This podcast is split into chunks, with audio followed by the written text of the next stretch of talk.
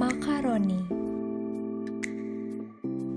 Berbicara isu sosial dari sudut pandang kemanusiaan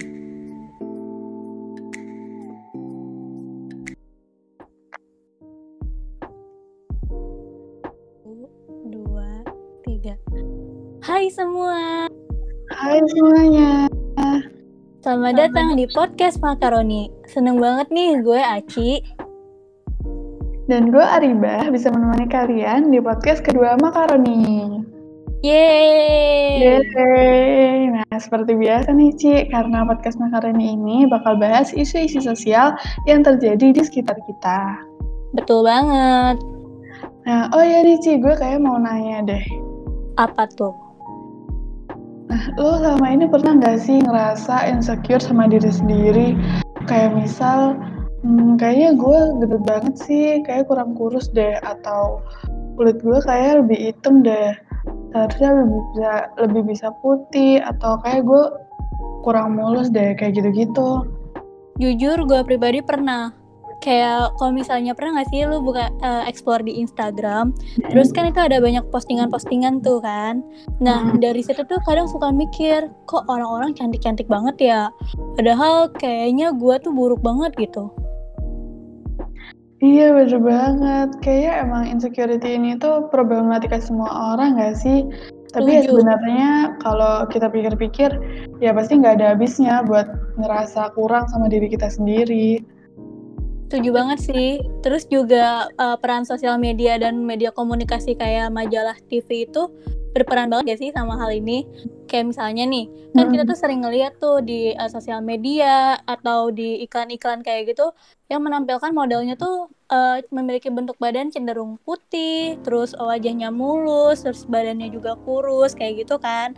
Nah, menurut Hmm. gua hal itu tuh bisa membuat persepsi bahwa uh, seseorang yang cantik itu adalah seseorang yang memiliki dalam tanda kutip tubuh yang ideal kayak gitu. Iya bener banget sih. Makanya kayak sekarang ini lagi digalakan banget yang namanya konsep body positivity nggak sih? Konsep berusaha buat membuat masyarakat, mendorong masyarakat untuk bisa mencintai dirinya sendiri secara menyeluruh. Terus konsep uh, body positivity itu kayak gimana sih, Bah sebenarnya?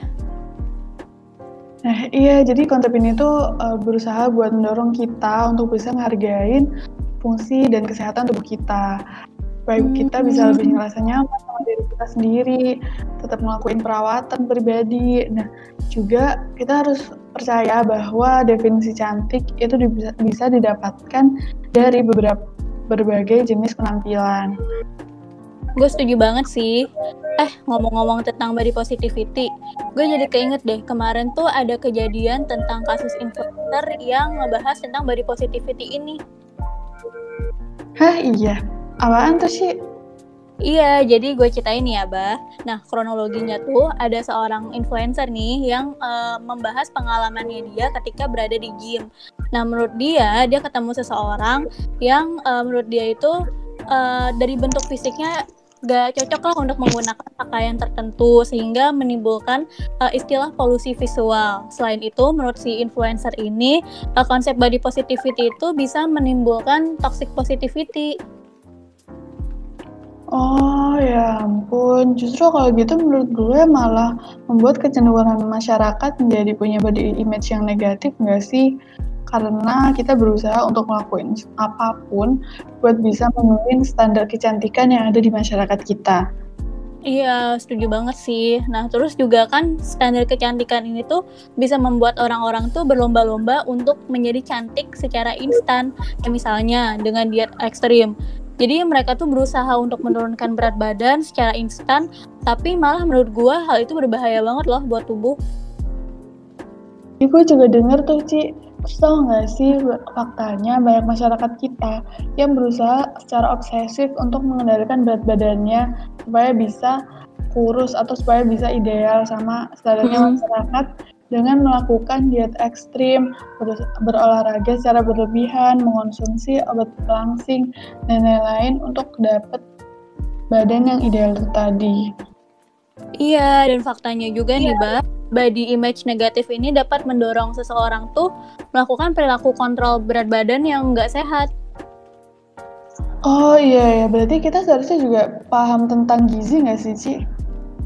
Iya, jadi pengetahuan gizi itu sebenarnya penting banget uh, untuk hal ini karena apabila kita melakukan diet ketat tanpa diket, uh, tanpa mengetahui mengenai gizi kita yang masuk ke dalam tubuh, maka akan muncullah perilaku makan yang nggak sesuai dengan prinsip-prinsip gizi.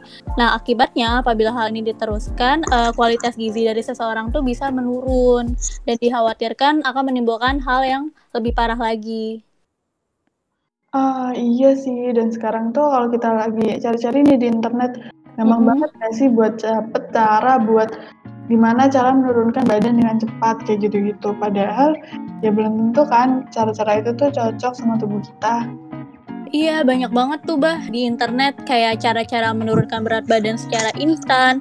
Nih, eh, kayak salah satunya ini nih. Kamu pernah dengar gak sih tentang diet karbo? Oh iya, gue kayak pernah denger tuh, pernah jadi juga nggak sih di kalangan masyarakat kita yang mau menurunkan berat badan? Iya, benar banget, Bah. Tapi nih, sebenarnya fakta diet karbo ini awalnya tuh diperuntukkan untuk penderita diabetes.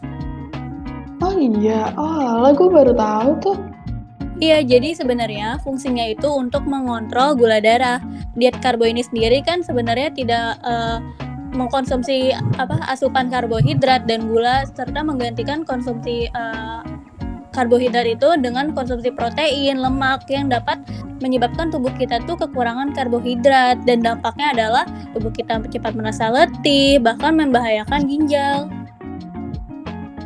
Ya ampun sampai segitunya ya ternyata. Iya kan, serem banget. Nah, terus nih, Bah, kalau kita melakukan diet tanpa karbohidrat, maka kan kita akan mengkonsumsi protein dalam jumlah yang besar sebagai cadangan energi pengganti karbohidrat kan. Nah, terus kalau misalnya ini dilakukan, yang terjadi adalah ginjal kita kerjanya akan semakin berat. Dan kalau misalnya terus-terusan dilakukan adalah eh, bahaya banget buat ginjal kita. Ya ampun, serem sih dampaknya. Iya kan? Iya, gara-gara diet ekstrim kayak gitu, malah kesehatan kita juga terganggu. Nah, iya. Selain diet karbo, kayak gue juga pernah dengar tuh, Ci, cara buat nurunin berat badan dengan cepat dengan cara membatasi porsi makan. Atau bahkan kita tuh ninggalin uh, waktu makan kita, kayak ninggalin sarapan atau makan malam, kayak gitu. Nah, eh, tapi ya, ternyata kebiasaan ini tuh kurang baik karena bisa menimbulkan gangguan makan atau eating disorder. Terus-terus kalau kayak gitu akibatnya gimana tuh, Bah? Iya, akibatnya itu tubuh bisa dap mengalami kekurangan gizi. Jadi karena tubuh kita itu terbiasa kan akhirnya untuk menolak makanan. Nah, jadinya selain kita mengalami kekurangan gizi derajat ringan, tubuh juga bisa da- mengalami yang namanya kekurangan gizi derajat berat. Serem banget gak sih?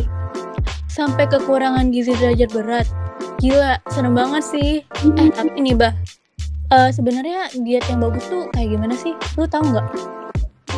Nah, sebenarnya ada sih pedoman buat cara ngatur makan kita yang benar. Nah, yang mungkin juga mudah dipahami juga nih sama kita-kita yang mungkin nggak terlalu paham tentang gizi banget. Nah, ada yang namanya pedoman gizi seimbang, Ci. Nah, ini tuh Oh, konsep yang menggantikan slogan 4 sehat 5 sempurna. oh iya, empat sehat lima sempurna gue tahu tuh bah. Hmm, tapi konsep itu tuh, konsep 4 sehat 5 sempurna itu sekarang udah nggak relevan karena udah nggak Oh, sesuai gitu. dengan perkembangan ilmu pengetahuan. Nah, kalau dari pedoman gizi seimbang ini tuh, dia ada empat pilar nih Ci yang bisa kita ikuti. Apa aja tuh bah? Nah, yang pertama, kita bisa mengonsumsi makanan yang beragam. Jadi kita bisa melakukan variasi terhadap makanan-makanan yang uh, kita makan dan sesuai dengan kebutuhan tubuh kita. Nah, terus kita juga harus membiasakan perilaku hidup sehat dan melakukan aktivitas fisik seperti berolahraga. Nah, kita juga bisa memantau berat badan tubuh kita secara teratur untuk um, mempertahankan nih dan melihat apakah berat badan kita itu masih di kisaran normal untuk mencegah masalah gizi kayak gitu. Wah, jadi gitu ya bah. Jadi sebenarnya tuh diet nggak bisa sembarangan ya. Harus ngikutin pedoman-pedoman gizinya juga nih, biar kasus tubuh kita kekurangan gizi itu nggak terjadi. Mm-mm, bener banget sih. Nah, tau gak sih sekarang selain konsep body positivity, lagi marak juga nih yang namanya konsep body neutrality. Hah, body neutrality? Apaan tuh, Bah? Kayaknya gue baru denger deh. Nah, ya sih yang dari gue baca-baca, uh -uh. dari freedomlab.org, body neutrality ini tuh gampangannya adalah konsep untuk menerima bentuk dan penampilan diri kita sendiri. Atau secara gampangannya, ya konsep ini tuh berada di tengah-tengah antara pola pandang negatif dan positif. Eh, tapi tunggu deh, kalau kayak gitu, apa bedanya tuh sama body positivity, Bah? Nah, bedanya sama body positivity, mungkin selama ini body positivity itu selalu menggaungkan istilah love yourself, self love gitu gitu kan ya. Iya. Nah, mungkin menurut bagian orang konsep itu tuh sulit untuk kita lakuin. Nah, kayak misal contohnya, hmm, kalau kita punya selulit nih di bagian kaki. Nah, daripada kita membenci selulit itu, mungkin kita bisa merubah pandangan kita menjadi ya mungkin gue nggak punya selulit bagian kaki, tapi ya mm -hmm. apa-apa karena sulit itu dan kaki gue ini yang sudah menemani gue selama ini berjalan setiap harinya. Jadi di konsep itu ada perasaan untuk menghormati dan menerima bentuk tubuh kita apa adanya. Gitu. Oh, jadi lebih ke meskipun tubuh kita memiliki dalam tanda kutip nih kekurangan, tapi kita tuh harus menerima bahwa dengan kaki kita yang tadi contohnya tuh selulit, uh, dia tuh sebenarnya berjasa loh untuk menemani kita berjalan dan beraktivitas lainnya. Kayak gitu kan, Mbak? Hmm. Bener banget, bener banget. Nah, mungkin kayak kita udah sampai akhir nggak sih? Kayak udah oh, mau iya. Kita.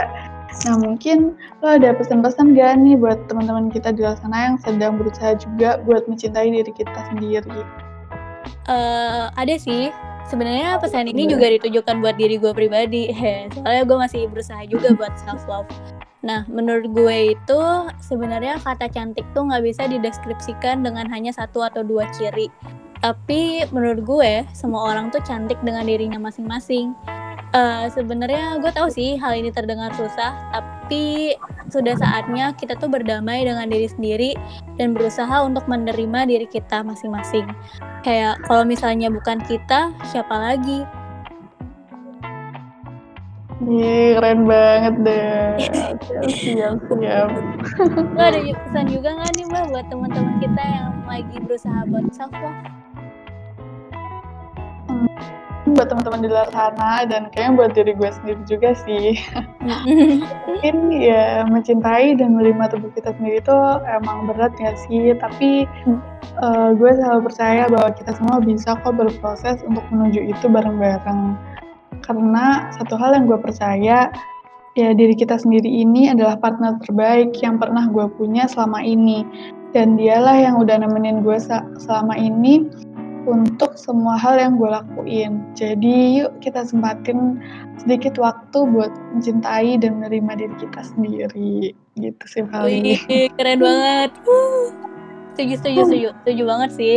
Eh, seru banget ya bincang-bincang kita hari ini. Gak kerasa loh, udah 10 menitan kita ngebahas tentang body positivity dan diet ini. Terus gue juga dari bincang-bincang kali ini seneng banget soalnya dapat banyak insight dan pandangan-pandangan baru tentang body positivity dan diet. Iya Ci, gak kerasa banget ya. Gue juga belajar banyak sih dari bincang-bincang kita kali ini. Dan hmm. semoga teman-teman kita yang lagi dengerin ini juga bisa mengambil kebermanfaatannya ya. Amin. Amin. Oke, kalau gitu gue Aribah. Dan gue Aci mau pamit undur diri. Terima kasih kepada pendengar podcast Makaroni yang sudah menemani kita berbincang hari ini. Sampai jumpa. Sampai jumpa.